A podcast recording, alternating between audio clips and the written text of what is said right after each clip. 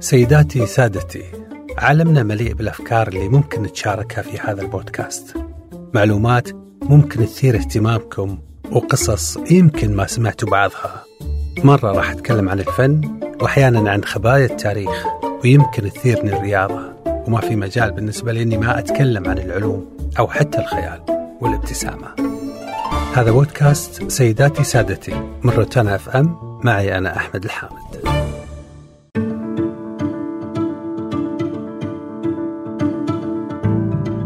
هذه الحياة قائمة على الكلمة.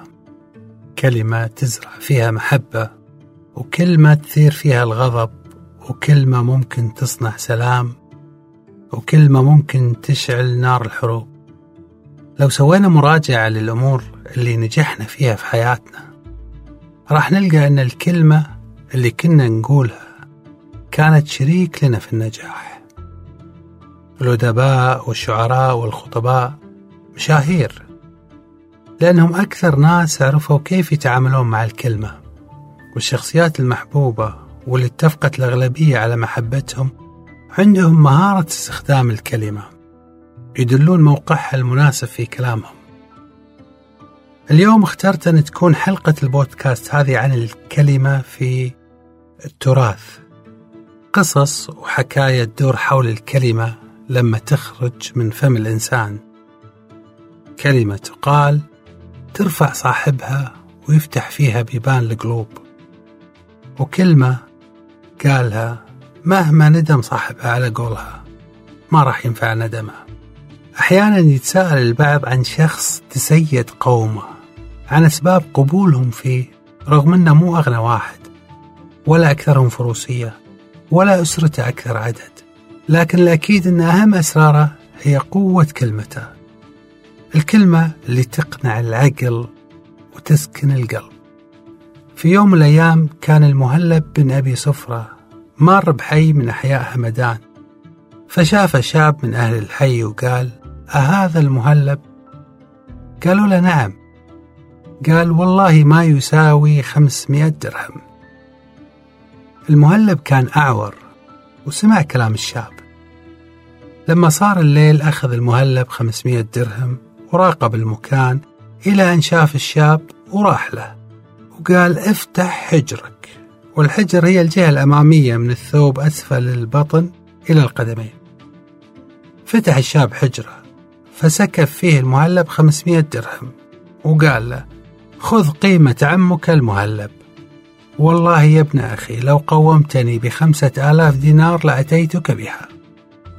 سمع أحد كبار السن الشيوخ من أهل الحي كلام المهلب وقال والله ما أخطأ من جعلك سيدا.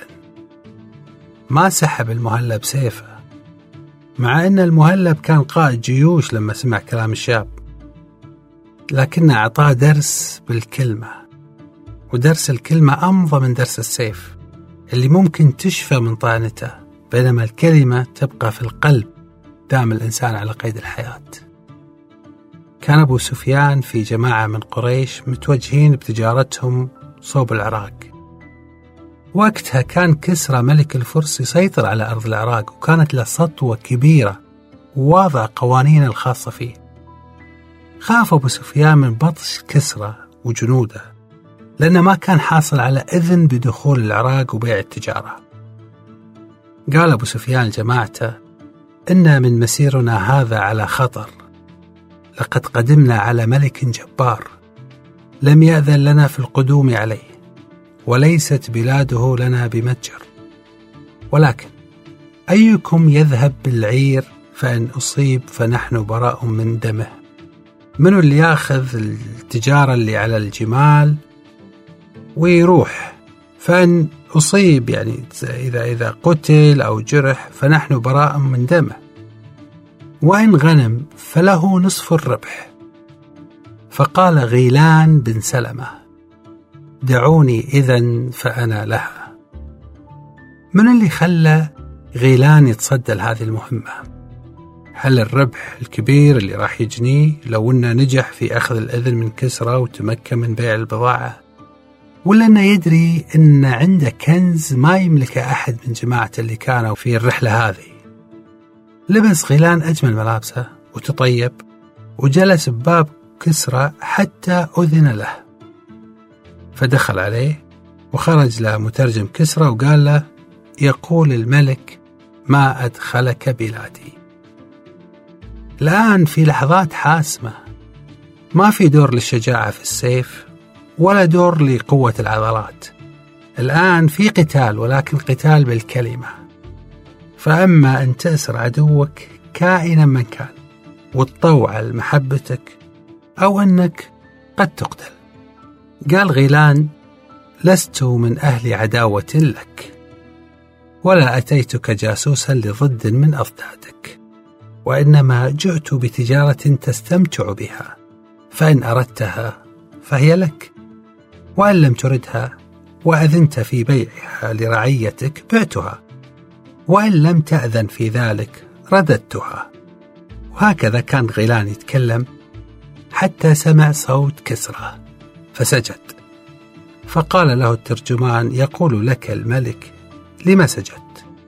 فقال سمعت صوتا عاليا حيث لا ينبغي لأحد أن يعلو صوته إجلالا للملك فعلمت أنه لم يقدم على رفع الصوت هناك غير الملك. فسجدت إعظاما له. استحسن كسرى اللي سواه غيلان وآمر له بوضع مخدة تحته. فلما أتي بها رأى عليها صورة الملك فوضعها على رأسه فاستجهله كسرى واستحمقه. وقال للترجمان قل له إنما بعثنا بهذه لتجلس عليها. فقال غيلان قد علمت ولكني رأيت عليها صورة الملك فلم يكن من حق لمثلي أن يجلس عليها. ولكن كان حقها التعظيم فوضعتها على رأسي لأنها أشرف أعضائي وأكرمها علي. عجب هالكلام كسرى فقال الغيلان ألك ولد؟ قال نعم. قال فأيهم أحب إليك؟ أجاب غيلان الإجابة اللي صارت شهيرة بعدين في محبة الأب لأبنائه. شهيرة جدا في تراثنا العربي. أجاب غيلان الصغير حتى يكبر والمريض حتى يبرأ والغائب متى يعود؟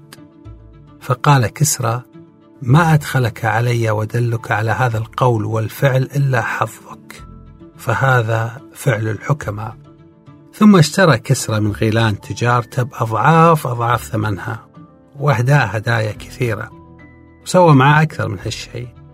بعث معاه مجموعة من البنائين الفرس. بنوا له قصر بالطايف وكان هذا القصر أول قصر يبنى فيها. قصر بني بالكلمات. روي أن إياس بن معاوية أنه قال وطبعا إياس بن معاوية كان من دهاة العرب وحكمائهم روي أنه قال ما غلبني أحد قط سوى رجل واحد وذلك أني كنت في مجلس القضاء بالبصرة. فدخل علي رجل شهد عندي أن البستان الفلاني وذكر حدوده هو ملك فلان. فقلت له كم عدد الشجر؟ فسكت ثم قال منذ كم يحكم سيدنا القاضي في هذا المجلس؟ فقلت منذ كذا. فقال كم عدد خشب سقفه؟ فقلت له الحق معك. وأجزت شهادته. من مهارات المستخدمين للكلمة بصورة صحيحة أن كلمتهم حاضرة. حاضرة إذا كان في لقاء مباشر مع المتخاطب معه. وبليغة جدا إذا كانت عبر الكتابة للي يفضلون التعبير فيها من خلال الرسائل. وهذا التفضيل هو اللي صنع لنا أدب الرسائل. الكاتب الفرنسي الكبير ألبير كامو كان يحب ماريا كازاريس وماريا كانت ممثلة شهيرة. والظاهر من خلال يعني رسالة ألبير أنه كان يحبها بصورة تسبق الجنون. ألبير كامو كانت شخصيته متحفظة وكتومة لكنه بطبيعة الحال كان من أسياد الكلمة المؤثرة خصوصا إذا كتبها للي يحبها. بعيدا عنك كنت أعتقد أنني سأعيش بصعوبة. خطأ. بعيدا عنك أنا لا أعرف العيش بتاتا.